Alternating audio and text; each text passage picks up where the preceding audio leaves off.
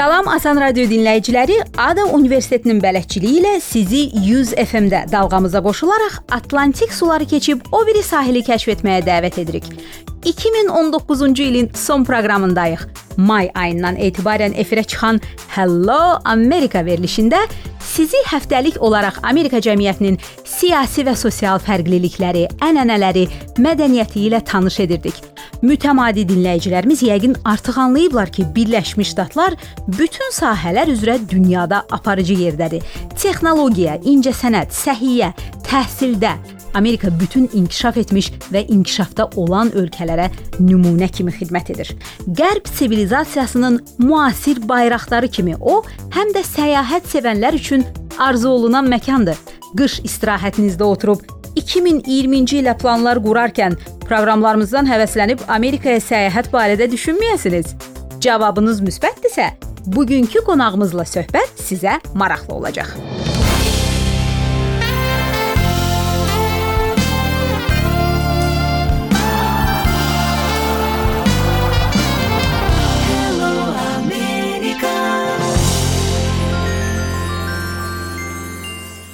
Azərbaycandan ən uzaq məsafədə, dünyanın o biri tayında yerləşən Amerikaya bankrot olmayaraq səyahət etmək mümkündürmü? Səyahət bloqeri Azər İsmailin buna cavabı müsbətdir. Bloqunda yazdığına görə, orta statistik Azərbaycanlı üçün Amerikadakı qiymətlər baş gicəlləndirəcək qədər bahalıdır. Lakin hər şeydə olduğu kimi burada da həll yolları tapmaq olar. Bunları Azər bizimlə söhbətdə bölüşür. Azər, Hello Amerika proqramına xoş gəlmisiniz. Bizim heyətimiz oktyabr ayında Kaliforniyada səfərdə idi və orada qiymətləri müşahidə edərkən ağla gələn sözlərdən biri doğrudan da baş gicəlləndiricidir. Amma qiymətlərə çatmamış vacib mərhələ vizanın alınmasıdır. Bəlkə elə bundan başlayaq.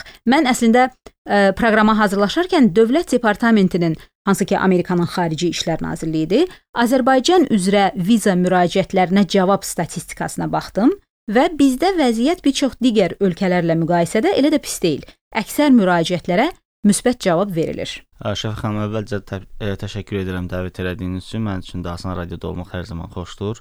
Amerika vizası bildiyimiz kimi ən bir qədər desəm çətin alınan vizadır. Bəlkə də çətin deyil, amma ə, belə deyək də xalq arasında, el arasında bu bir qədər çətin kimi bir qorxulu bir proses, qorxulu bir proses kimi gəlir. Bəli. Ə, iki səbəb ola bilər. Birinci rüsumdur. Rüsumu 160 dollardır turist vizasının, B1, B2 vizasının, həm turist, həm ə, biznes viza deyilir. Bu kiçik biznes görüşü üçün olan viza. 160 dollar bir o qədər də kiçik məbləğ deyil. Çünki məsələn Schengen vizası almaq üçün cəmi 35 avro ödədiyimiz halda bu viza 160 dollardır. Amma ə, bunun bir fərqi də var ki, 160 dollara siz ə, bir girişli yox, 1 illik viza alırsınız və hər girişinizdə 6 aya qədər qalmaq olur. Adətən bunu 1 illik verirlər. Bəzi şirkətlər var, hansı ki, bunlar sizə konsaltinq xidməti verir. Yəni məsləhət tövsiyələr və sizin əvəzinizə müəyyən işlər görürlər. Bu nədir? Bu anketin doldurulmasıdır. Sənədlər paketində sizə tövsiyələr, yəni hansı sənədlər lazımdır, sənədlər hansı formada doldurulmalıdır, tam işdən arayış hansı formada olmalıdır. Yəni, ola bilər ki, insan hansısa bir şirkətdə işləyir, şirkət bunun formatını bilmir, necə formatda bu işdən arayış təqdim olunmalıdır. Burada maaş e, yazılmalıdır, vəzifə yazılmalıdır hansı müddətdə bu şirkətdə çalışdığın yazılmalıdır. Təxmini bu tipli məlumatlar olmalıdır və ə, əgər Azərbaycanca verilibsə, mütləq şəkildə bu ingilis dilinə tərcümə təsdiq olmalıdır notariusda və ya şirkət tərəfindən elə ingilis dilində ə, yazıla bilər. Müraciət edənlər ABŞ vizasına Amerikanın Bakıdakı səfirliyinin veb səhifəsinə daxil olaraq sənəd verə bilərlər. Bu hamıya açıqdır. Lakin müəyyən şirkətlər var ki, vətəndaşlara viza almaq xidmətləri təklif edir. Sual budur ki, birbaşa müraciət edən vətəndaş və hansısa səyahət və ya viza alma şirkəti xidmətindən istifadə edən vətəndaşın nəticədə viza alma şansları nə qədər fərqlənir? Şansları bir qədər artıra bilər. Səyahətçinin üzərinə düşən vəzifə sənədlərin maksimum doğru şəkildə doldurmaqdır. Maksimum doğru şəkildə doldurmağı isə bu sahədə ixtisaslaşmış şirkətlər bunu edə bilər. Hı -hı. Amma istənilən halda konsulla görüşə yenə də səyahətçinin özü gedir. Yəni əlində sənədlər, əslində indi sənədlər də istəmirlər, sadəcə onlayn, onlayn doldurulmuş, doldurulmuş blankın təsdiqini istəyirlər, bir də ödəniş blankını. Onunla birlikdə yaxınlaşır səfirliyə və ə, üzbəyüz intervyu keçdikdən sonra vizanın alınmağını və ya alınmamağını konsul ona bildirir. Əgər viza alınsa deyir ki, falan vaxtdan sonra yaxınlaşın ə, kuryer şirkəti var. Həmin şirkətdən sənədlərinizi götürün. Bu ilin may ayından yeni qaydalardan biri budur ki, müraciət edənlərin hər hansı bir sosial mediada səhifələri varsa, Bəli, bəli. onu da qeyd etmək lazımdır, elə deyilmi? Mən fikirləşirəm ki, o böyük ehtimalın təhlükəsizlik məsələlərinə görədir.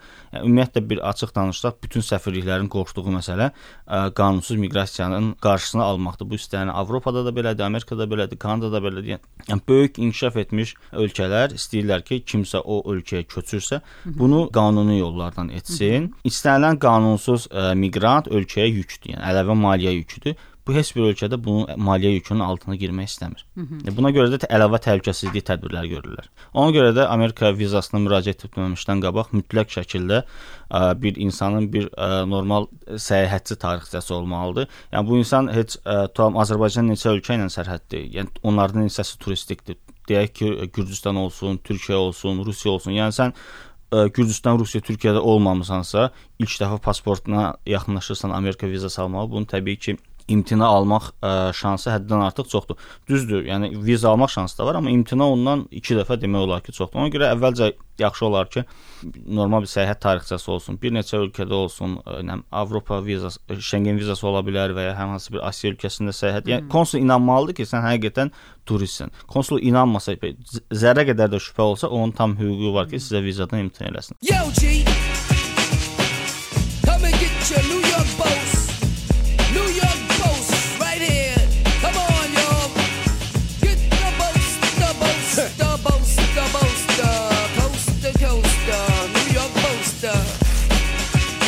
Azər, ABŞ-da olmayanlar üçün onun miqyasını təsəvvür etmək bir qədər çətindir. Biz proqramlarımızda da bu haqqda danışmışdıq ki, məsafələr çox böyükdür. Ölkə iki okean arasında bir qitə boyu yerləşir. İstiqamət seçimi burada vacibdir. Xüsusilə büdcə məhdudiyyəti varsa, hara getməyi tövsiyə edirsiniz? Əgər büdcə kifayət qədər deyilsə və büdcə biraz sıxırsa ə, turisti, şərq sahilində, yəni East Coast-da ə, səyahət edə bilər. Bu nəyə görə ə, ucuz başa gələ bilər? Yəni qismən ucuz başa gələ bilər.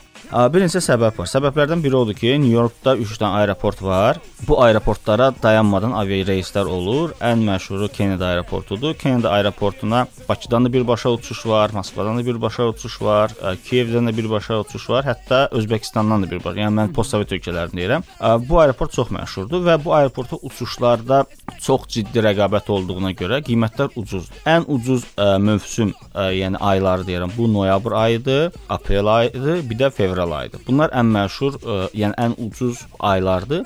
Və iki tərəfli bilet hansı İki tərəfli bilet ə, təxmini endirim vaxtı bəzi hallarda 400 dollara gediş-gəliş bileti almaq mümkündür, bəli.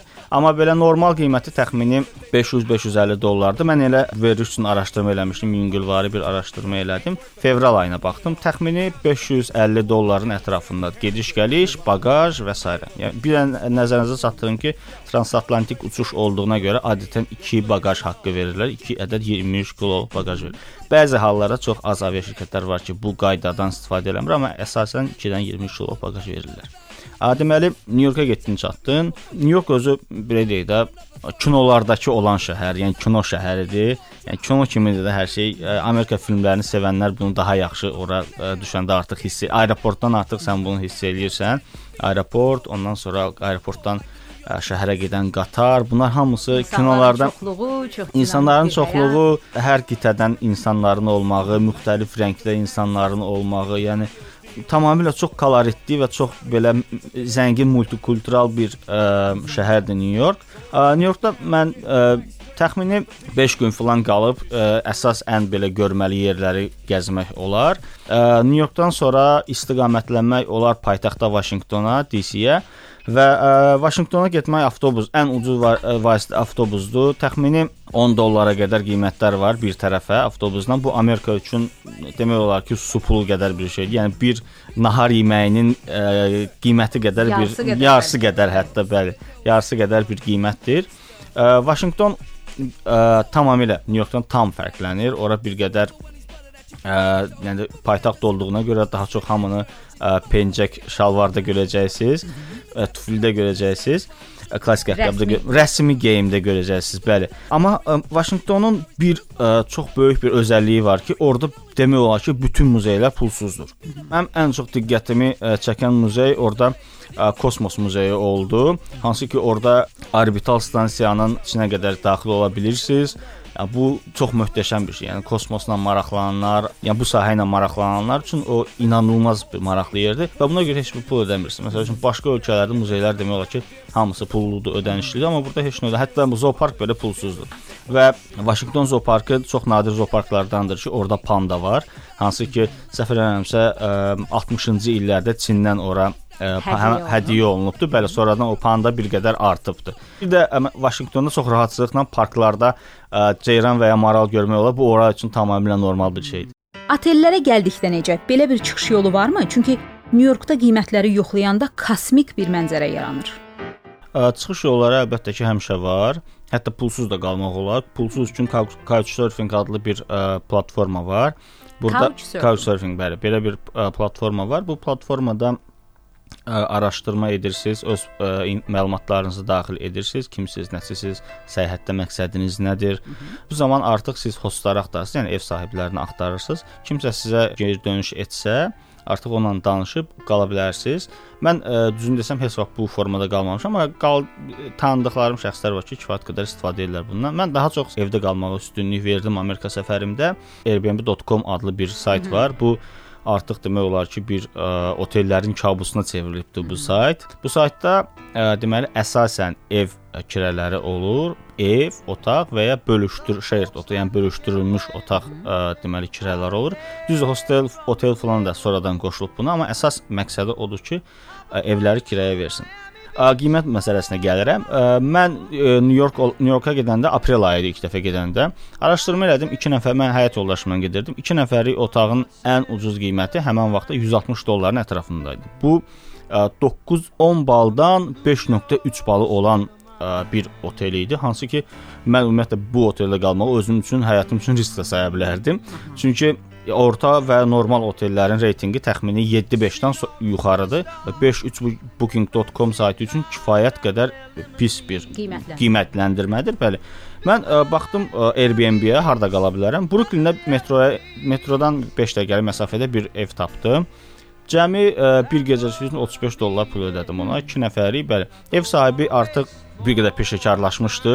Ə, hər bir qonaq üçün ayrıca dəsmal təqdim eləyirdi, ayrıca sabun təqdim eləyirdi və bu kimi ə, vasitələr təqdim edir ki, adam özünü daha Otel- rahat hiss eləsin. Otel tipli bir şey olsun, bəli və ə, mətbəxindən də istifadə edə bilərsən, tam soyuducusundan da istifadə edə bilərsən, özün üçün bazarlıq eləyib, məsələn, səhər yeməyini və ya axşam yeməyini orada ə, qəbul edib həm səyahət büdcəsinə qənaət eləyirsən, çünki bir var xidmət görürsən, onun üçün həm ə, xidmət pulu ödəməlisən, həm ə, belə deyək də çayva ödəməlisən, ə, belə deyək də, o orada Amerikada ümumiyyətlə bu ə, mədəniyyət həddindən artıq çox ə, yayılıbdır. Mütləq ə, 15-20% Çay pulu. çay pulu deyək də, hə, ödəyirsən və bu vasitə ilə kifayət qədər qənaət etmək mümkündür. Və bir də ki, sonuncu sualım dil biliyi ilə bağlıdır. Amerikaya səyahət etmək üçün ingilis diliniz hansı səviyyədə olmalıdır? Ə, belə deyim də intermediate olsa və ya pre-intermediate olsa, turist dili deyək də belə, ə, çətinlik çəkməyəcəksiniz. Yəni ə, ona görə çünki böyük böyük bir kütlə orada gəlmələrdən ibarət olduğuna görə, onların da gəlmə müddəti 2-4 il falan olduğuna görə, onların ingilis dili aşağı yuxarı sizdən bir qədər aşağı, bir qədər yuxarı ola bilər. Yəni xidmət sektorundan söhbət gedir. Yəni, ona görə də ə, demək olar ki, problem olmalıdır. Yəni cüzi formada, pre-intermediate və intermediate formasında ingilis dilini bilirsinizsə, çətinlik çəkməyəcəksiniz. Mən hardasa eşitmişdim belə bir zarafat ki, e, dünyada ən çox yayılan dil broken English, qol e, qol qanadı sınmış ingilis dilidir. Yəqin ki, elə turist kimi, xüsusilə də Nyu-Yorkda bu dildə danışsanız, ə, aydın olar. Təşəkkür edirəm sizə proqramımıza Siz- siz gəldiyiniz olun. üçün. Sizə gözəl yeni il arzulayıram və arzulayıram ki, indiyə qədər səyahət etdiyiniz 31 ölkənin ə, üzərinə neçə-neçə ölkələr gəlsin və siz də bizim proqrama qayıdaraq ə, səyahət etmək istəyənlərə yeni faydalı tövsiyələrinizi verəsiniz. Çox sağ olun dəvət etdiyiniz üçün təşəkkür edirəm. Mən də sizin qarşına gələn yeni ilinizi təbrik edirəm. Hello, America.